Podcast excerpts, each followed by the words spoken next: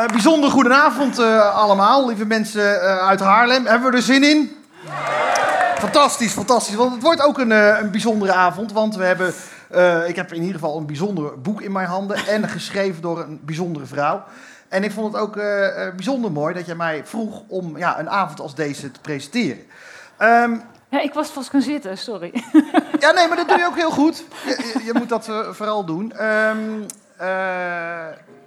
ik heb het boek gelezen.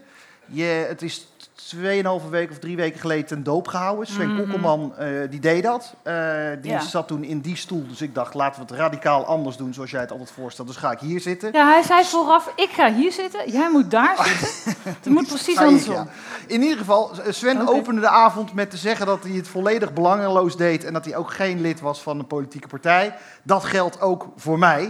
Dan is dat in ieder geval uh, gezegd. Maar wat Sven vergeten is te vragen, terwijl ik Sven een groot interview vind, is...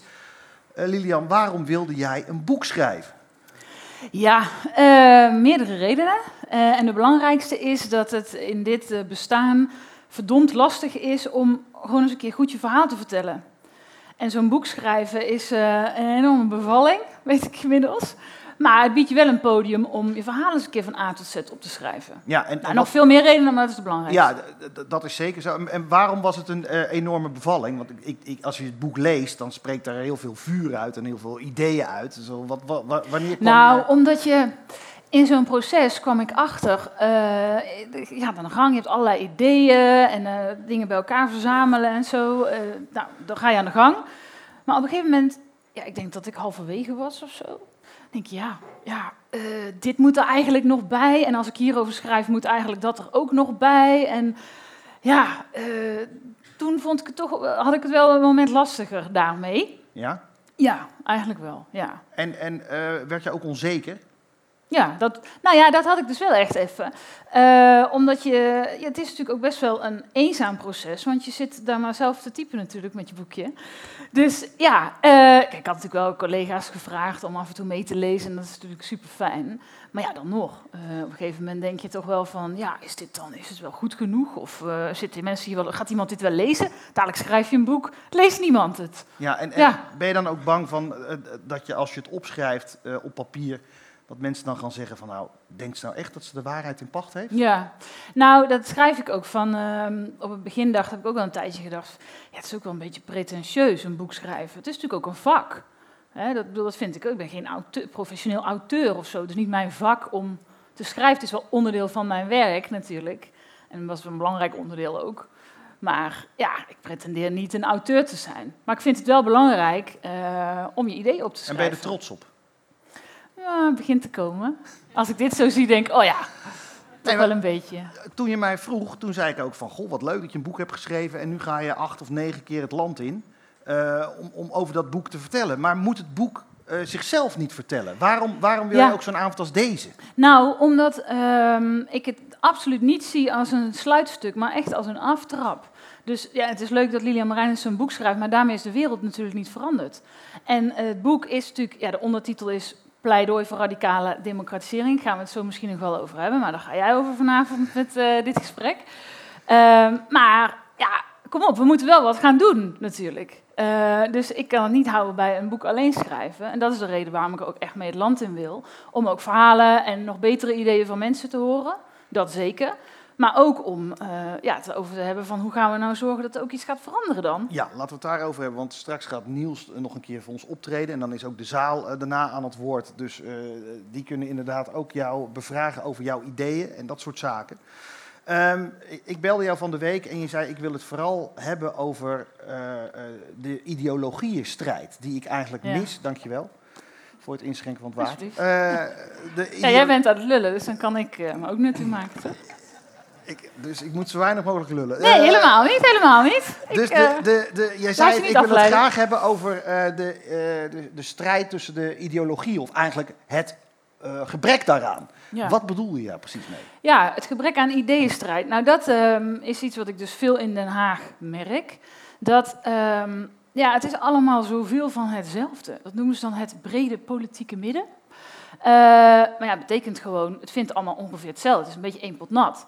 En wat ik merk, heel veel als ik op pad ben in het land, of ik nou op, op werkbezoek ga in een, in een verpleeghuis, of we gaan de buurt in met de SP, en dat doen we vaak, en dan bellen we aan en dan, gaat het in de buurt, wat gaat er goed, wat zou er beter kunnen? Dan merk ik dat heel veel mensen cynisch zijn geraakt over de politiek, of zijn afgehaakt zelfs. Hè. Daar gaat het boek natuurlijk ook voor een deel over. En ik snap dat op het moment dat er uh, ook niet echt een wezenlijk alternatief is. Dan is natuurlijk ook geen perspectief op hoop of verandering. Want ja, als iedereen ongeveer maar hetzelfde vindt, ja, dan zal het wel ongeveer zo moeten, toch? Ja, maar je hoort natuurlijk ook heel vaak, de samenleving is enorm gepolariseerd. En men wil graag terug naar ja, dat wat bredere midden dat te vaak zwijgzaam is. Hmm. Om zo het land in ieder geval weer ergens naartoe te helpen. Ja, ik geloof daar dus niet in. Jij, denkt dus, dat, jij wil eigenlijk meer polarisatie? Nou, niet. Uh, ja, polarisatie heeft natuurlijk in, in zichzelf iets negatiefs, omdat het het suggereert dat mensen tegenover elkaar komen te staan. Ik noem het natuurlijk de ideeënstrijd. Dus ik noem het niet, mensen moeten niet tegenover elkaar komen te staan. Dat is wat bijvoorbeeld die identiteitspolitiek uh, doet, daar gaan we het misschien ook nog wel over hebben. Maar de ideeënstrijd, de ideeën mogen natuurlijk wel tegenover elkaar komen te staan. Want een andere overheid dan een, een wantrouwende overheid, maar een fatsoenlijke overheid is mogelijk. Een andere zorg waar niet uh, concurrentie voorop staat, maar samenwerking is mogelijk. Maar dan moet je wel de ideeënstrijd voeren. En waarom is die ideeënstrijd er niet? Ik bedoel, jij zegt dus van ik heb een boek vol met ideeën, andere ideeën. Vooral het afschaffen van het neoliberalisme. Uh, waarom uh, mis je bij andere clubs dan de ideeën? Nou, ik, wil, ik bedoel hiermee niet naar anderen te wijzen of zo. Hè? Dat, laat ik beginnen met dat voorop te stellen. Want nou ja, het boek is voor een deel natuurlijk ook zelfkritiek. Want wij zijn er denk ik dus ook onvoldoende in geslaagd om er echt een ideeënstrijd van te maken. Um, maar ja, je merkt dat gewoon in het politieke debat. Actueel is nu bijvoorbeeld, uh, we zitten allemaal met een hoge energierekening. Nou, iedereen vindt dan zo'n beetje, zegt men, van links tot rechts, ja, de energierekening moet omlaag. Nou, daar lijkt dan een soort algehele consensus over dat er een prijsplafond, noemen ze dat dan, moet komen. Ja, ik verbaas me dan over dat daar nauwelijks echt politieke strijd over is. Over ja, hoe dat je dat dan gaat doen. Er is dan ook een soort van consensus, lijkt dan wel. Ja, wij nemen dan een andere positie in en komen denk ik met een alternatief. Maar dat we miljarden gaan overmaken naar commerciële energiebedrijven die gewoon doorgaan met winst maken. Ja, maar je kan ook zeggen, iedereen betaalt dan dezelfde prijs voor zijn energierekening. Dat is heel sociaal.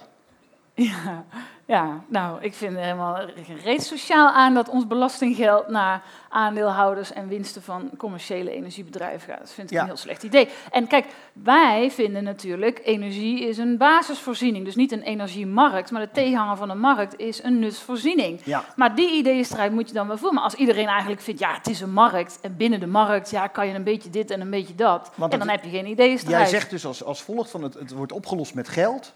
Uh, en daardoor wordt er eigenlijk niet nagedacht over hoe willen we eigenlijk de energie uh, uh, in Nederland regelen. Ja. Of hoe willen we eigenlijk naar de toekomst kijken over vijf of tien jaar. Ja. Dat mis jij. Ja, er is geen fundamenteel debat. Oké, iedereen vindt die energierekening moet omlaag. Nou, prima. Maar wij proberen dat debat dan aan te voeren door te zeggen, ja, maar laten we nou dan van de gelegenheid gebruik maken. Als we dan toch die miljarden gaan overmaken, laten we dan de gelegenheid aangrijpen om toch wel in te zien dat hè, onze energie als markt, dat dat toch niet zo goed gewerkt heeft. Maar jij hebt dan dus blijkbaar een goed idee over die uh, energiemarkt. Uh, anderen vind jij niet, maar hoe komt het dat jij het dan toch te weinig aan de overkant krijgt? Durven ze niet in uh, discussie te gaan met, met jou over jouw ideeën? Nou, uh, ja, dat, dat, ja, ik, nogmaals, ik wil niet naar andere wijzen daarmee of zo.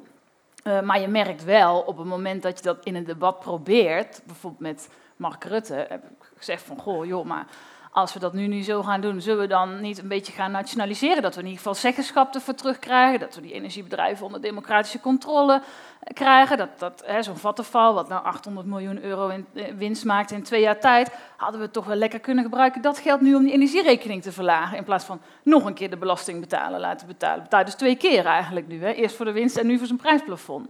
En dan zegt Rutte van, ja nee, maar mevrouw Marijnissen, uh, lantaarnpalen zijn, energie is niet links of rechts. Dat moeten we gewoon, hè, gewoon pragmatisch goed regelen. Ja, en dat, maar goed, dat moet je hem nadragen. Dat doet hij dus voor zijn club heel succesvol. Ja. Hij slaat alle politieke debat dood daarmee. En wat wil je daartegen inbrengen? Hoe kan je dan uh, aan Rutte wel uitleggen dat het uh, anders moet? En dat hij met een debattruc zoals ja. ja lantaarnpalen zijn, links of rechts, daarmee wegkomt? Mm. Nou weet ik niet of ik dan Rutte nog daarvan ga overtuigen. Ja. Dat, ja, om heel eerlijk te zijn, maakt me dat ook niet zo heel erg veel uit. Um, maar je merkt wel in het land. Oh, dank u, dank u. uh, je merkt wel in het land dat daar veel steun is. We hebben nou die volkspetitie. Ja, de meest gehoorde reactie op de volkspetitie om de energie te nationaliseren is: ja, supergoed idee. Hey, maar nu ook de zorg en het openbaar vervoer. Want dat hebben we toch eigenlijk ook vermarkt en geprivatiseerd. En ja, daar vinden toch ook wel steeds meer mensen van dat dat misschien toch niet zo goed uitpakt als ze hadden gehoopt. Nou, daar, daar, daar blinkt jouw boek wel uh, in uit, want het gaat uh, veel over het uh, neoliberalisme en wat het allemaal kapot heeft gemaakt. Um, maar als ik het boek lees, en ik las het, ik heb het twee keer gelezen. De eerste keer las ik het en toen had ik net ook het nieuwsoverzicht van het jaar 2022 achter de rug van, van NOS. Nou, dat was ja, echt wel een, een, dramatische uitzending, vond ik, met alles wat er gebeurd was in anderhalf jaar. En daarna ging ik jouw boek lezen. En dat is ook wel 180 pagina's. Dat je denkt bij jezelf, wat gaat er wel goed Je had geen zin meer in uh, het nou, lezen. aan, het einde kom, aan het einde kom je met een, een fel betoog over uh, andere ideeën en hoe je het aan kan passen. Ja. Maar het is wel een, een, een, pittige aanklacht over wat er allemaal wel niet misgaat mm. in Nederland. Mm -hmm. Klopt. Maar ja, klopt. dat is het eerste deel van het boek. En ik hoop inderdaad in het tweede deel van het boek te beschrijven. Ja, maar dat is zo'n dun dat... gedeelte. Hè? Het grootste gedeelte is wat er allemaal misgaat. Nee, dat is ja, niet ik waar. Zeg, jawel. Nee, nou ja, goed, ga verder. In ieder Je hebt het twee keer gelezen? Ja, ja, ja, nee, zeker. Nee, nee, nee, Eén keer dacht ik, eh, ja, maar ik moet het nog een keer lezen, want anders kom ik er niet. Ja. Uh, nee, maar kijk, um, het is belangrijk, denk ik, om je analyse wel op te bouwen met een, een, een uh, nou ja, een beschouwing van hoe het er nu voor staat. Dus ja. daar begin ik dan toch mee. En, en toch te laten zien van waarom we denk ik op bepaalde punten een verkeerde afslag hebben genomen. Ja. En waarin wij denk ik als SP bijvoorbeeld ook verschillen van andere linkse partijen, om maar wat te noemen. Um, om vervolgens te komen tot ja, hoe, het dan, hoe het dan wel kan. Maar ja. laten we ook eerlijk zijn voor een deel in Nederland gaat het ook gewoon helemaal niet goed. En dat is wel het deel van Nederland wat ook niet goed uh, vertegenwoordigd wordt in de Tweede Kamer. Uh, want er zijn vaak partijen met achterbannen met wie het relatief allemaal inderdaad best wel goed gaat. Dat mag zo zijn. Maar ik was vorige week nog uh, in Amsterdam-Noord bij mensen die voedselpakketten nodig mm -hmm. hebben. Je schaamt je gewoon de ogen uit de kop. Er staan gewoon mensen in de kou in de rij voor een voedselpakket in Nederland. Ja. Met een economie die draait als een tierenlier, meer miljardairs in de quote dan ooit, de hoogste bedrijfswinsten in 23 jaar tijd. En dan schaam je je toch kapot. Dan gaat er toch ook iets fundamenteel heel erg fout. Absoluut, absoluut. En ik schaam me ook kapot als je kijkt naar uh, Ter Apel bijvoorbeeld. Dat, dat, ja. dat soort, daar, gaat, daar gaan ook inderdaad veel dingen niet mis. Maar wat jij ook zegt, is terecht. Die mensen zijn ondervertegenwoordigd uh, in de Tweede Kamer. Blijkbaar ja. worden die niet bereikt of worden die, uh, gaan die niet meer stemmen. Zijn die zo teleurgesteld dat ze helemaal geen af, zijn afgehaakt. En daar ligt toch, denk ik, een hele mooie taak voor de SP, voor jou weggelegd. Hoe ga je die mensen bereiken en hoe ga je dat doen met dit boek? Dat denk ik ook. Um, nou, ik heb niet per se de illusie dat iedereen dat boek gaat lezen, maar ik hoop wel dat het, het, ermee het land ingaan, dat dat dan nog meer aan kan bijdragen. Maar goed, dat is natuurlijk een onderdeel daarvan. Ik ben het met jou eens en ik zie dat ook als een opdracht aan ons. Het is geen gemakkelijke opdracht, zeg ik er gelijk bij. Het zal ook meer iets zijn van de, van de lange adem. Um, maar ik vind wel dat we dat moeten doen. En we proberen dat ook te doen door veel ook juist in wijken aanwezig te zijn. Waar mensen altijd aan het kortste eind trekken, wat ze ook stemmen. Of het nou crisis is of geen crisis. Weet je, dat zijn de wijken waar en de buslijn is verdwenen. En het buurthuis is gesloten. En het verzorgingshuis weg is. En de statushouders moeten komen wonen. En de arbeidsmigranten nu massaal gehuisvest worden door uitzendbureaus. Die zoveel mogelijk goedkope arbeidskrachten hierheen willen halen. Ja. ja, ik snap wel dat mensen dan denken: hé, hey, waar is de politiek voor mij? Want ja, de politiek is er ook niet voor hun. Zeker, en daar is de SP toch voor? Zeker, maar we hebben maar, negen zetels, dat weet je, hè? Ik weet zeker. ja, zeker, zeker ja. negen. Maar als je kijkt naar de peilingen, mensen vinden ook al snel de PVV of vinden nu tegenwoordig snel uh, de BBB, weet je wel. Dat zijn ook van die uh, teleurgestelde kiezers waarschijnlijk die uh, mm. op iets gaan stemmen. Terwijl ik denk bij mezelf, ja, maar wacht, misschien moet de SP die bereiken, die mensen. Ja. Hoe? Ja. Nou, ik heb, ik heb natuurlijk ooit een, een keer een les gehad. En dat was uh, impact. Dat is eigenlijk een, een product, een maalsommetje. Impact is presentatie maal inhoud. Dus is je inhoud goed, maar je presentatie niet zo best, dan is die impact niet groot. Andersom ook. Als je een hele goede presentatie hebt, maar geen inhoud, dan is die impact ook niet goed. Nou denk ik dat met jouw boek gelezen te hebben, dat jouw, jouw drijfveer en ook hoe je zegt van hoe je geschreven hebt en dat het wel een bevalling was, maar toch moest het er komen. En je hebt het ge- geflikt. Dus ik denk inhoudelijk zit het goed. Maar de SP moet natuurlijk ook zorgen dat je zo'n boek dan over het voetlicht krijgt. Hoe? Ja, Eh, nou ja, wat doen we hier dan? Ja, daar zijn we hier vanavond, hoor. Eh, zeker, maar dat, dat, dat, hier ben ik ook hartstikke blij mee. En toen jij zei van, nou, wil je komen naar Haarlem? Ik dacht, nou ja, eh, oké, hoeveel mensen komen er dan? Maar we zijn uitverkochte zaal, mensen. Uitverkochte zaal voor de SP. Heeft zij gedaan. Eh, nee, maar dat is natuurlijk, eh, eh, dat is zeker. Maar deze mensen zijn allemaal politiek geëngageerd. Die, die, die, die houden van jou, die weten wat je doet. Die, die houden misschien ook van boeken lezen. Maar het gaat juist ook om die groep mensen waarvan je zegt bij jezelf... Ja. die worden als eerste getroffen in Ja. die achterstandswijken. Ja. Dat zijn inderdaad de mensen die voedselpakketten moeten Klopt. halen. Die, die kinderen worden inderdaad niet goed geholpen op de basisschool waar ze zitten. Die moeten we hebben. Klopt. En als die de tv aanzetten, dan zien ze ook nog politici die bezig zijn met toch heel vaak zaken waarvan zij denken, nou sorry hoor, maar daar lig ik niet wakker van. Ja. En dat is ook een groot probleem.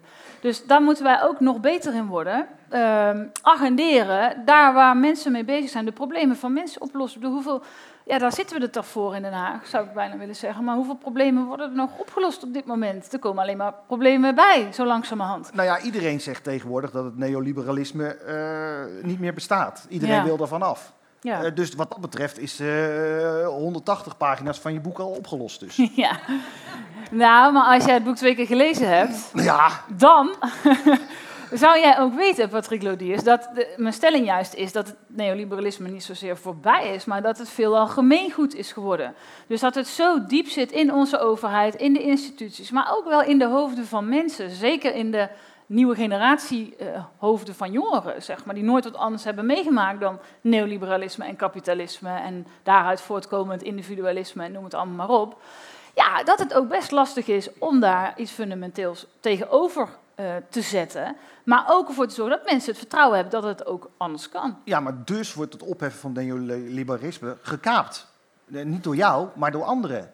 Ja, maar het is, het is, ja, het is zoveel woord. Weet je, Ja. we, eh, niet om de man zelf hoor, maar Hugo de Jonge. Hugo de Jonge eh, eh, was, ja, Je, moet er, je zucht erbij.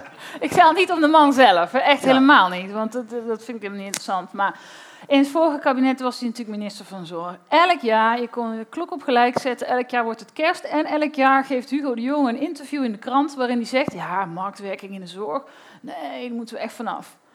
Is geen fuck in vier jaar tijd, is geen Ja. fuck veranderd. Nu zit hij bij wonen, doet hij precies hetzelfde. Ja. Elke keer zegt hij, ja, het is geen woningmarkt, volkshuisvesting. We moeten terug naar volkshuisvesting Woorden.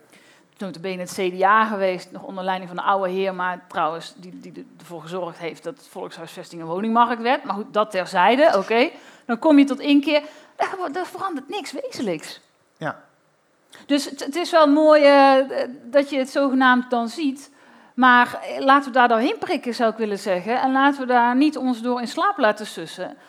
Want vooralsnog verandert er niks. Sterker nog, het gaat eerder de andere kant op. Hè. Neem zo'n prijsplafond bijvoorbeeld. Dat is een liberaal labmiddel. Hoezo neoliberalisme voorbij? Hoezo eh, meer, meer democratische controle? Maar ook in de zorg. Ik bedoel, de particuliere zorg, de tweedeling, is enorm in opkomst. Juist, ze willen de verpleeghuizen terug, terugduwen, terwijl juist meer ouderen komen. Dus ze creëren actief meer markt, verschrikkelijk woord, voor ouderenzorg. Waar dan allemaal particuliere initiatieven en buitenlandse, buitenlandse organisaties onze verpleeghuizen nu opkopen. Dat gebeurt nu. Dus hoezo eh, zijn we dat aan het terugduwen? Hoezo is neoliberalisme In- voorbij? Die tweedeling zie je dus heel veel terug Ja. in de samenleving. Ja. Je, hebt, je hebt het al over de zorg. Waar zie je ze nog meer terug? Op eigenlijk alle vlakken, eh, nou zeker in de economie.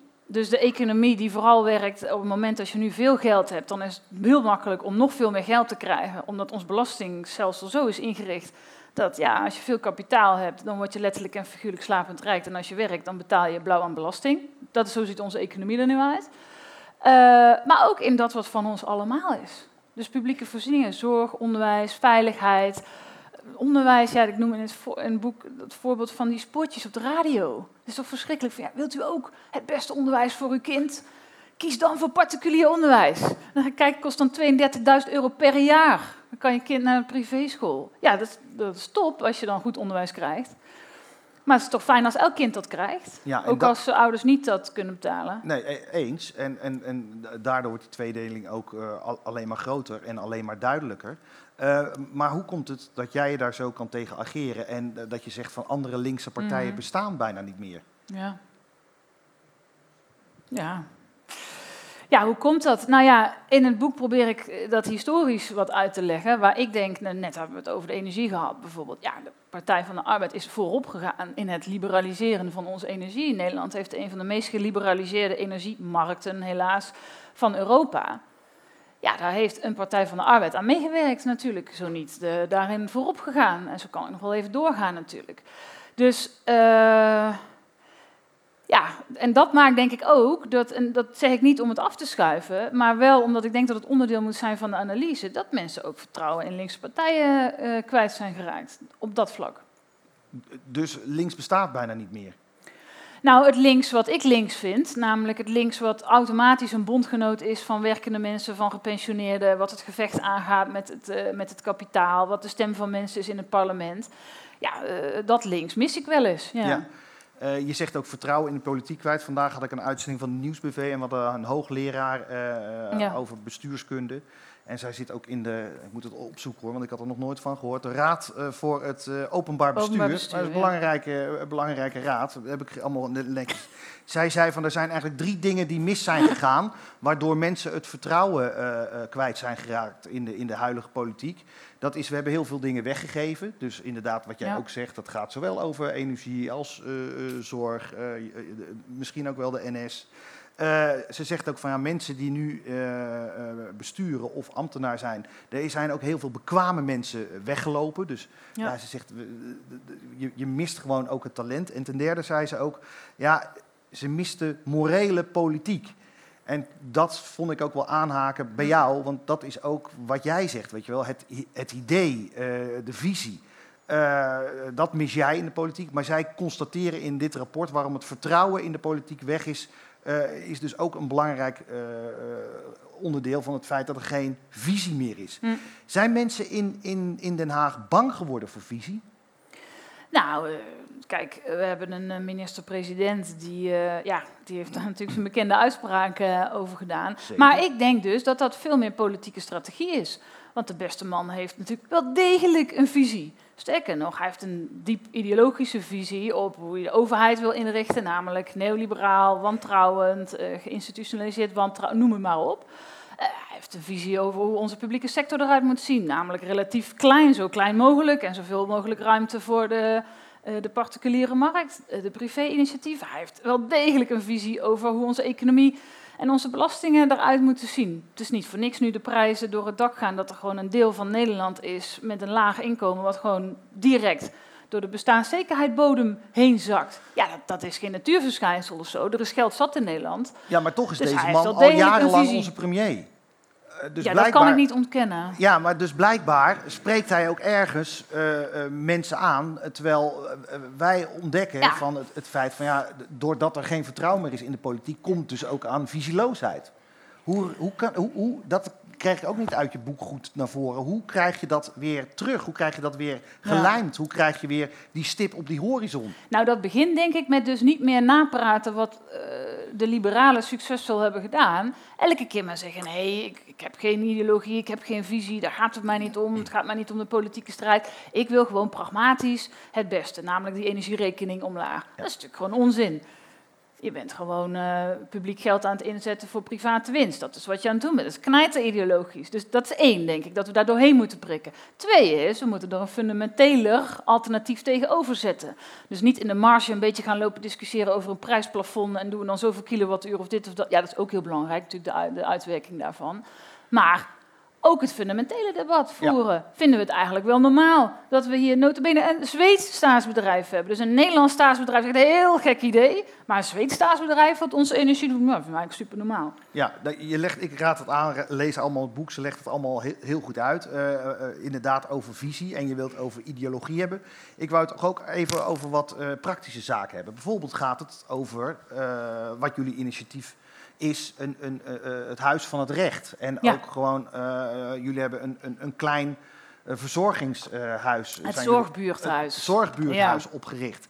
Dat zijn mooie initiatieven. Ja. Dat, daar, ja, daar, dat, dat, herken ik denk ik nog van vroeger. je pleit ook voor terug veel meer wijkverpleging. Je, je, mm. je, je praat ook weer terug over en terecht de, de, de wijkagent. Dat soort initiatieven. Ja. dat, daarmee ja, geef je echt handen en voeten aan de visie die jij hebt. Maar ik zit dan ook wel te denken van ja, dat zijn mooie verhalen, maar waar halen we al die mensen vandaan? Ja, ik denk dus dat dat helemaal niet zo moeilijk is.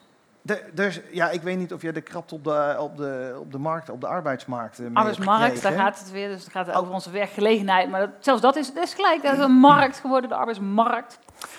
Um, nou, neem de zorg. Dus eh, ons voorbeeld van het zorgbuurthuis. Uh, dat is dus uh, niet terug naar het oude verzorgingshuis met, met de lange gangen en anoniem dingen, maar kleinschalig zorg in de eigen wijk. Mensen kunnen oud worden in de eigen buurt. Maar mijn stelling is dus, en ook mijn overtuiging, gebaseerd op vele gesprekken die ik gevoerd heb met mensen die dit werk elke dag doen, dat het werken in een kleinschalige zorginstelling, waar je de mensen kent, waar je de familieleden kent, waar je de buurtbewoners kent, die af en toe een handje kunnen komen helpen, omdat die de bewoners ook weer kennen, dat dat vele malen leuker is, fijner is, beter is dan uh, werken met een onzeker contract en dan weer in dit verpleeghuis geplaatst worden en de week daarna in dat verpleeghuis nee, geplaatst worden. Eens, eens. Dus dan wordt de werkdruk die veel hoger is, iedereen, waardoor die mensen afhaken. Dan wordt iedereen enthousiast om, om, om verpleger te worden, hopelijk. Maar ondertussen zitten we ook met een tekort aan, aan leraren. We zitten ook met ja. een, een, groeiend tekort maar Patrick, aan... vind je het gek? Aan, als je jarenlang... politieagenten. Ja. tekort aan uh, machinisten. Ja, maar ik ben met de bus gekomen. Ik was blij dat hij reed, weet je wel. Nee, echt serieus. Ja. Ja. Nee, de meeste mensen. Dus ik vind het allemaal prachtige initiatieven. En soms denk ik ook bij mezelf, ja, dat is ook mooi. En dat zijn vergezichten en je, en je, je doet er wat aan en je Mm. praat met mensen. Maar soms denk ik ook bij mezelf, ja, is het niet wensdenken? Nou, denk ja. Leef je in de Efteling? Nee. Nee, dat denk ik gewoon niet. Nee, maar uh, je gaat er ook helemaal aan voorbij nu bijvoorbeeld de politie. Dus natuurlijk gewoon jarenlang op bezuinigd.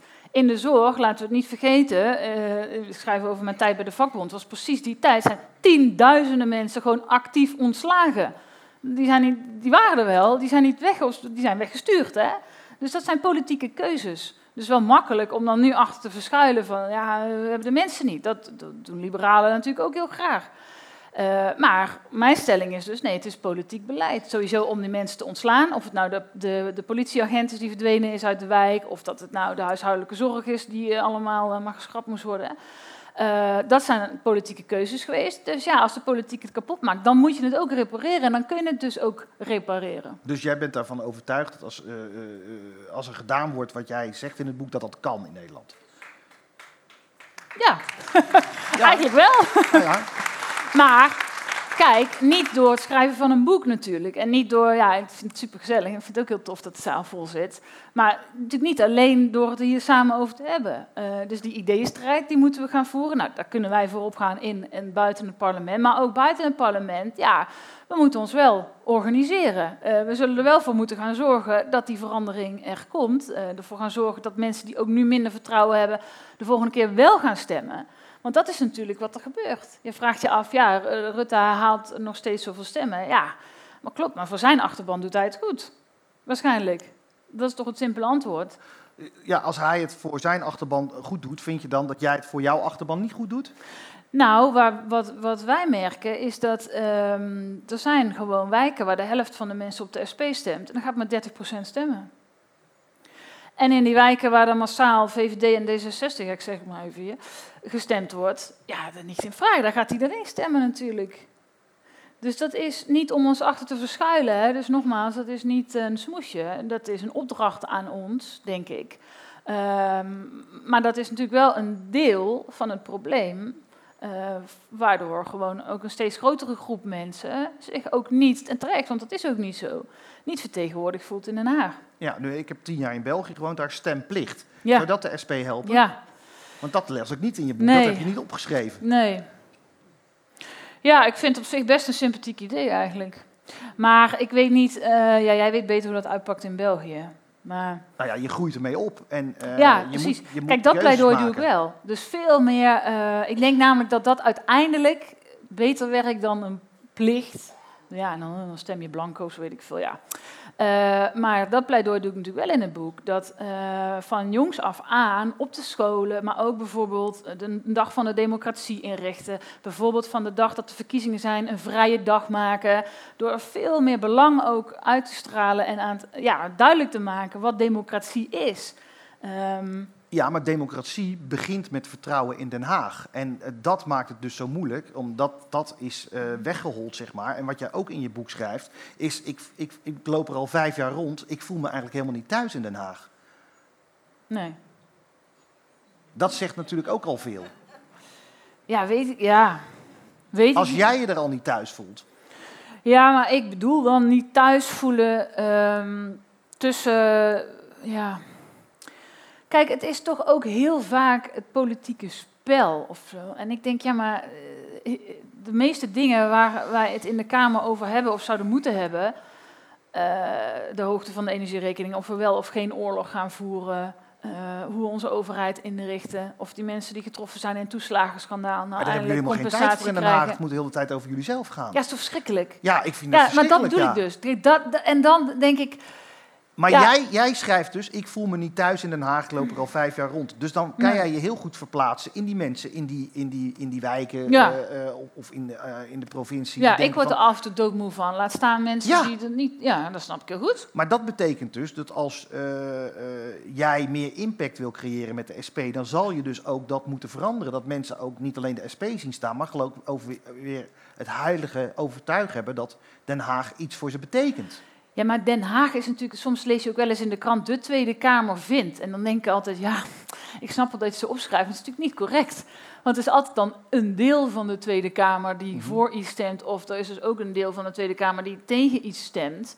Dat is eh, een van de grootste frustraties rondom het toeslagenschandaal. Dat is, ja, de Tweede Kamer vond toen in de tijd dat er flink gehandhaafd moest worden tegen de fraude. De Tweede Kamer vond.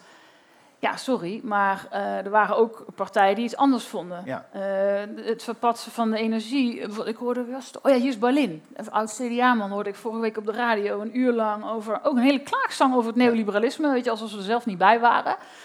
En dan, en dan zegt hij ook wel, ja, maar dat was ook eigenlijk helemaal geen ander geluid.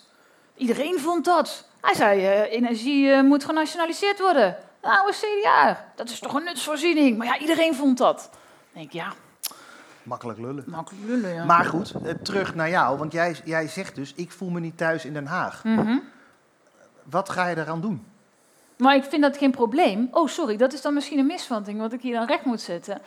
Sterker nog, uh, om heel eerlijk te zijn, ik, de dag dat ik me daar wel als een vis in het water voel, ga ik mij achter mijn oren krabben of dat ik nog wel uh, goed bezig ben, eigenlijk. Maar wat, bedoel, je zegt er wordt te veel politiek spel gespeeld. hoe, hoe komt het dan dat jij dat spelletje nog, toch nog graag speelt? Dat je er toch nog graag bent? Wat houdt jou drijvende? Ja, dat is toch dat je wel in de bevoorrechte positie bent. Dat je wel elke dag um, je idealen kan bevechten. En dat is toch wel iets heel, heel, heel bijzonders. En ook wel een, een positie die heel veel mensen natuurlijk niet hebben. Met steun van velen. En is het dan net als uh, met wielrennen? Wielrenners zeggen, ja, wielrennen is een mooi vak, maar je verliest veel vaker dan dat je wint. Ja, bij wiel, ja dat klopt. Bij is dat ook met jouw idealen? Je kan ervoor vechten, maar dat het soms moeilijk strijden is? Nou, het is niet zo... Uh, ja, zeker. Maar het is ook niet zo zwart-wit. Het is natuurlijk nooit dat je op één dag dan opeens iets wint. Het is natuurlijk een beweging die je in gang zet. Ik bedoel, het feit dat het nu wel, denk ik, zo is... dat je dat wel kan zeggen dat het neoliberalisme in ieder geval op zijn retour is althans in, in woord, ja, sorry hoor, maar evident dat de SP daar natuurlijk een hele belangrijke bijdrage aan heeft geleverd. En, feit... en, ontstaat er dan een nieuwe linkse lente?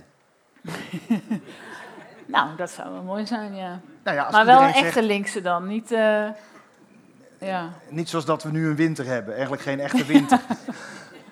Nee, Maar denk je, dat die weer, denk, je dat, denk je dat tijden aan het veranderen zijn? Denk je dat we weer... Ja. Tenminste, dat voel ik wel heel erg, eh, met name onder jonge mensen. Ehm, hm? Absoluut. Ja, hè? ja, nee, zeker. En dat is toch bijzonder, want ik zei net al, ja, jonge mensen weten natuurlijk vaak niet beter dan het huidige neoliberale systeem. Eh, Als ik aan mensen vraag die jonger zijn dan ik, noem eens één voorbeeld van echte sociale vooruitgang, dan blijft het al stil. Eén voorbeeld van echte verbetering van de verzorgingsstaat. Nee, is het niet. Is altijd eh, ja, de achteruitgang proberen tegen te houden en af te remmen. Dat is, dat is wat er natuurlijk al jarenlang gebeurt. Dus met die nieuwe generatie, die jongeren... Dus er ligt ook nog een klusje voor de SP, hè? Een, jongere afdeling. Maar die mensen, daar zit energie in. En die kan je meenemen om die nieuwe linkse lente eh, te vervolmaken. Ja, en het gaat me niet per se om, om eh, jong of oud. Ik bedoel, op zich vind ik dat helemaal niet zo heel, eh, heel relevant. Maar je merkt wel bij de huidige jonge generatie ook, ja, die vangen wel in de volle omvang ook de klappen. Ik bedoel, die Ja. kunnen en geen huis vinden en zitten vaak met een studie Schuld, eh, ja. schuld. En eh, moeten zich de tering werken op het moment dat ze aan het werk zijn. En ook nog voor de ouders zorgen op het moment dat dat nodig is. En, en, en. Ja, en die zien een overheid die zich steeds verder vervreemdt. En een politiek inderdaad die geen klap meer te zeggen heeft over hele wezenlijke dingen. Ja, Ik snap wel dat, en terecht denk ik. Ehm, dus daar word ik heel optimistisch van. Waar ik ook optimistisch van word, is ehm, hoe toch mensen tegen het systeem in, ehm, ja, toch de vooruitgang wel bevecht. Om toch nog even dat voorbeeld te blijven van die, eh, die voedseluitgifte waar ik dus vorige week was. Ja, daar sprak ook een mevrouw en die, eh, die dreigde nu weer haar huis uitgezet te worden. Ook zoiets. Dus we hebben in Nederland proberen van alles te doen om huisuitzettingen te voorkomen. Maar mevrouw kon de rekeningen dan niet betalen. Dreigde weer op straat te komen staan om dan vervolgens weer in allerlei hulptrajecten te komen om dan weer opnieuw in een woning te komen. Het is natuurlijk eigenlijk totaal bizar, even los van dat het gewoon onmenselijk is. Hè? Onmenselijk dat wij in zo'n rijk land eh, gewoon mensen hebben die op straat leven. Dat, dat, dat, dat we dat kennelijk al vastlopen. gewoon, gewoon zijn gaan vinden of zo. Ja, ik, ik schaam me daarvoor dat, dat, dat, dat er kennelijk een moment is geweest in Nederland dat we dat zijn gaan accepteren. Dat mensen gewoon geen dak boven hun hoofd hebben. Ik vind het echt heel erg. Maar die de dame zei tegen mij, en dat vond ik wel mooi, want ze is overal vastgelopen en ze zei, ik heb alle hulpinstanties over de vloer gehad en niemand helpt mij. Niemand helpt mij. En volgende maand moet ik waarschijnlijk weer mijn huis uit. En ze zat er net een jaar in, ze was vier jaar dakloos geweest. En toen zei zij, ja, de menselijkheid is wel verdwenen uit de instituties en uit de overheid, maar niet uit de mensen. En dat is natuurlijk waar, want we zaten daar bij die voedseluitgift en dat was helemaal opgezet door, helemaal, er komt geen overheid aan te pas. Helemaal gerund door eh, vrijwilligers. Eh, Ze hadden nog tot één uur s'nachts de avond ervoor gewerkt. De ochtend ervoor, daarna waren ze er om negen uur weer de hele dag werken. Om ja, mensen van een basis, iets basis te voorzien als, als voldoende voedsel. En dacht ik, ja, dat is natuurlijk ook het pleidooi voor meer zeggenschap. Daar, daar ben ik wel heel hoopvol over. Dat als, en dat, dat geldt ook voor zo'n zorgbuurthuis bijvoorbeeld. Ik geloof erin als wij daar, de mensen die daar werken, het ook voor het zeggen laten hebben. En niet een of andere idiote zorgmanager, bla bla, met indicatie en zorgkantoren en papieren en weet ik veel wat. Dat de zorg er beter van wordt, dat het goedkoper wordt, dat het leuker wordt, dus aantrekkelijker wordt om te werken. Maar ook dat, dat, ja, dat het er gewoon beter van wordt. Ja, goed verhaal. Nou, dank je. Zou je iets mee moeten doen? Nee, nee, nee Ja. zeker, weet je, want dat is het. Weet je. je moet anderen eh, zeker overtuigen. Ja, absoluut. Mag volklapt worden. Eh, want eh, los van dat ik ooit geleerd heb wat, wat impact is, presentatie maar inhoud, heb ik ook ooit geleerd van iemand die zei van ja, eigenlijk moet de euro in dienst staan van de mensen. En wat jij heel goed beschrijft Mm. is dat door het neoliberalisme ja, eh, de mensen in dienst staan van de euro. En dat moet weer omgedraaid worden. Die menselijke maat moet weer terugkomen. Dus dat staat er allemaal goed in het boek. Maar er staat ook een heel eh, stuk in over eh, de Europese Unie. Nu ja, ik heb lang in Brussel gewoond, dus ik ben wel fan van, eh, van de Europese. Unie. Ja, dus, en Ja. en, en dan, dan, dan lees ik jouw pleidooi en je bent er tegen en je vindt dat het niet goed gaat. Maar vandaag onderteken je wel weer eh, met tien andere fractievoorzitters dat eh, eh, de Europese Unie veel meer een vuist moet maken richting Iran. Nou, vooral ook het Nederlandse kabinet, hè? Zeker, maar je, je, er staat ook duidelijk in dat Nederland daarin zeker moet Ja. optrekken met, met Europa. Ja. Wat? ja. Nou, ik ben heel blij met deze... Sorry. Nee? Jij bent blij? Ik ben, eh, nou, ik ben blij- benieuwd waar je blij om Met bent. jou, met dit punt. Omdat wij zijn, nou, natuurlijk zou ik bijna willen zeggen, maar niet tegen Europese samenwerking. Daar waar dat effectief is, daar waar dat de vooruitgang dient. eh, er zijn genoeg onderwerpen, of het nou migratie is, klimaat. Ja, het heeft weinig zin als wij hier als wij van alles doen en, en over de grens gaan ze gewoon eh, door met de ellende de lucht in pompen of zo. Ja. Ja. Dus ieder weldenkend mens snapt dat je daarmee moet samenwerken. Maar zoals de Europese Unie zich nu presenteert, deze huidige Europese Unie, is precies een neoliberale Europese Unie, waarvan jij net terecht zegt, ja, het, het, de, euro, ehm, de mensen zouden niet de euro moeten dienen, maar andersom. Maar deze Europese Unie is natuurlijk, ja, een, een, een geweldig vangnet voor, voor grote bedrijven, of het nou gaat om klimaatsubsidies, eh, en, en vooral voor, voor gewone mensen echt een last. Neem arbeidsmigratie bijvoorbeeld, hè. Dat wordt continu gepresenteerd als, nou, dat is toch fijn, dan kunnen eh, werknemers hun kansen pakken en eh, hè, een beter loon verdienen elders. Maar het is natuurlijk een heel pervers verdienmodel van met name grote bedrijven om de lonen laag te houden. Ja. Om de werknemers hier en daar tegen elkaar uit te spelen. Even los nog van mensen vaak slecht gehuisvest en niet integre- hoeven te integreren en, en noem het allemaal maar op. Even los van de, En sociale- verschrikkelijke baantjes. Hm? Verschrikkelijke baantjes. ook dat, Die absoluut. dingen die wij niet meer willen doen, blijkbaar. Nee, maar ik ben in Polen, precies dat, ja. Ik ben in Polen gaan kijken, wat zijn nou de gevolgen van arbeidsmigratie daar? En dan zie je eigenlijk met eigen ogen de waanzin ervan. Eh, want hier werken veel Poolse werknemers in de kassen. Ik ging naar de Poolse kassen. Nou, wat werkt daar? Allemaal Oekraïense werknemers. Hier hebben wij Polen Hotel, daar hebben ze Oekraïne Hotel. Dat is hetzelfde idee. Dus allemaal mensen bij elkaar gepropt en eh, vies, lage lonen, eh, zware arbeid. Wat is daar dan? En dan zijn er dus partijen die zich links noemen, die dat steunen. Dat begrijp ik niet. Hoe kun je dat sociale vooruitgang noemen? Dat mensen eigenlijk gewoon allemaal een paar landen verderop werken. Iedereen wil toch het liefst gewoon bij zijn gezin, eh, of zijn familie zijn Zeker, en zijn dat- geld kunnen verdienen. Absoluut, eh, daar heb je ook een goed punt in je boek. Maar het is natuurlijk ook zo dat wij als Maar dat is wel Europa... Europese Unie, hè? Ja, dat is wel, maar ja, wij Die als het- Europese Unie zijn toch ook de enige die een vuist kunnen maken tegen Rusland. Ja, Dat moeten maar we dat toch is weer samen heel doen? anders. Nou, dat is, dit niet, is niet zoveel anders. Jawel, want Het is niet zo ver hè, dat er... eh, Nee, maar nogmaals, wij zijn niet tegen is. Europe Nee, dat bedoel ik niet. Maar wij zijn niet tegen Europese samenwerking. Maar we zijn wel tegen deze Europese Unie, maar vooral voor een Europese Unie die wel werkt voor mensen. Dus die wel arbeidsmigratie wil reguleren. Maar hey, dat komt ze even niet goed uit. Want dat dient het grote bedrijfsleven natuurlijk niet, want de lonen moeten wel laag blijven. Hoe kan het? Dat we nu in een tijd, je had het net zelf, begon je over de krapte op de arbeidsmarkt, te weinig personeel. Dan zou je verwachten dat de lonen omhoog gaan door het dak. Want immers, hè, de wet van vraag en aanbod. Dat gebeurt niet. Terwijl de prijzen gigantisch stijgen, de inflatie eh, groot is, blijven de lonen achter. Ja, hoe komt dat? Omdat er een onbeperkt arbeidsaanbod is van goedkope arbeidskrachten. Dat is ook een reden. Eh, en dat is ook de Europese Unie. En die zeggen, ja nee, daar kunnen we niks aan doen, want Europese Unie. Werk aan de winkel, mevrouw Marijnissen. Dat sowieso, ja. Hoe lang hou je dit vol? Nou, dit is de eerste avond. Nee, ja, dus dat snap eh, ik. ja, Nee, ik hoop ook niet dat je na acht van deze avonden zo eh, uitgeput bent dat je het bijltje erbij neergooit. Want dan, ja, dan, dan is het boek voor niks geschreven. toch nog wel even was ik van plan, Ja. eigenlijk. Ja. Eh, want, want je hebt het boek geschreven, dat er, je bent er trots op en terecht. Eh, er staan veel zaken in. Wanneer is het boek geslaagd? Ja, ik hoop dat het een bijdrage kan leveren aan de ideeënstrijd. Dat vooral. En ik hoop dat het meer mensen kan inspireren dat eh, ja, de tweedeling dat dat geen natuurverschijnsel is, maar dat als we solidariteit organiseren, ja, dat de, de wereld er een stuk eerlijker uit kan zien. Kijk. Eh, en solidariteit is ook, eh, ja. Solidariteit is ook dat jullie zo meteen de microfoon krijgen. Dan, dan is het aan jullie. Maar laten we eerst nog naar twee prachtige liedjes luisteren van Niels Geuzenbroek. Maar eerst nog een groot applaus voor Lilian Ja, Marijnissen. dankjewel.